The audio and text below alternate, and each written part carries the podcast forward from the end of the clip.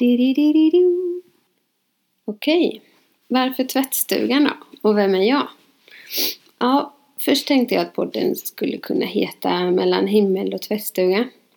Men det var så långt och krångligt så det blev tvättstugan, kort och gott.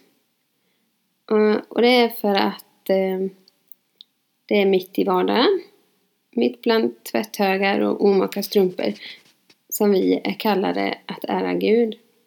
Och det är i vardagen som det svindlande uppdraget utspelar sig. Att vi ska fostra våra barn och visa vägen till en tro som bär genom hela livet. Tvättstugan kan ju också vara en plats där man kan få komma undan en stund och tänka färdigt en tanke. Om köket är husets hjärta så kanske tvättstugan kan vara husets hjärna. Där kan grubblet smyga sig på.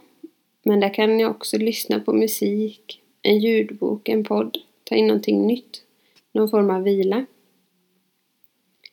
Och troligtvis är det i tvättstugan hemma hos oss som stora delar av den här podden kommer spelas in. Så hör du några konstiga ljud i bakgrunden så vet du varför. Och vem är jag då? Ja, jag heter Evelina, Evelina Albin.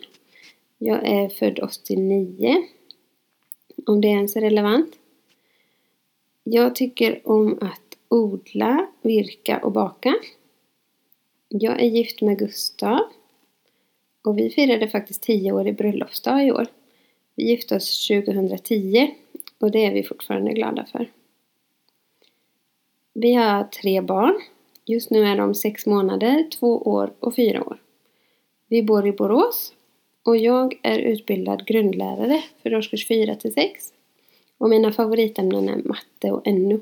Det är så fascinerande tycker jag att upptäcka mönster och, och se hur saker och ting är, är skapat.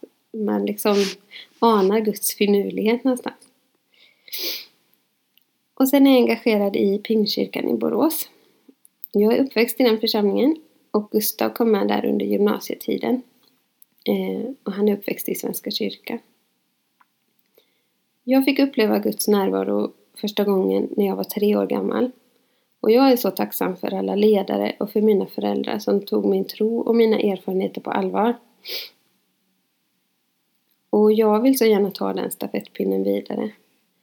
Så jag är ideell ledare i Pingstkyrkans barn och ungdomsverksamhet. Jag är med på söndagsskola, har varit med i tjejgrupper, ungdomssamlingar och läger. Och det började eller jag började som hjälpledare när jag började bli för stor för att vara med själv som, i barnverksamheten. Och så har engagemanget eh, vuxit därifrån. Och jag räknade ut häromdagen att det är 18 år totalt hittills. Och jag tycker det är en så stor förmån att få följa barn och ungdomar och se dem växa som människor och ta steg i tro med Gud. Att lyssna på deras funderingar och tvivel och vandra sida vid sida på livets väg. Det är fantastiskt.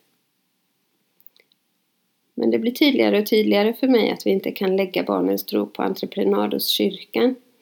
För även om ledare i kyrkan gör ett grymt jobb så kan en dag i veckan eller en vecka om året inte mäta sig mot potentialen som finns i vardagen hemma. Så jag tänker att den här podden ska vara korta avsnitt. Att du hellre lyssnar på två än behöver avbryta mitt i ett långt. Eh, med konkreta idéer och tips på hur vi kan väva in Gud i vardagslivet. Andakter, musik, pyssel, böcker. Och så lite tankar och perspektiv på föräldraskap, äktenskap och livet. Typ. Jag hoppas att du ska bli inspirerad, uppmuntrad och utmanad. Kanske till och med tröstad ibland. Och skulle du känna dig nedtryckt, dålig eller misslyckad så har jag misslyckats. Stäng av direkt i så fall. Jag vill avsluta med ett bibelord från Psaltaren 86. Jag sätter mitt hopp till dig, Gud. Ja, Herre, du är god, du förlåter, rik på kärlek till alla som åkallar dig. Du är en barmhärtig och nådig Gud, sen till vrede och rik på kärlek och trofasthet.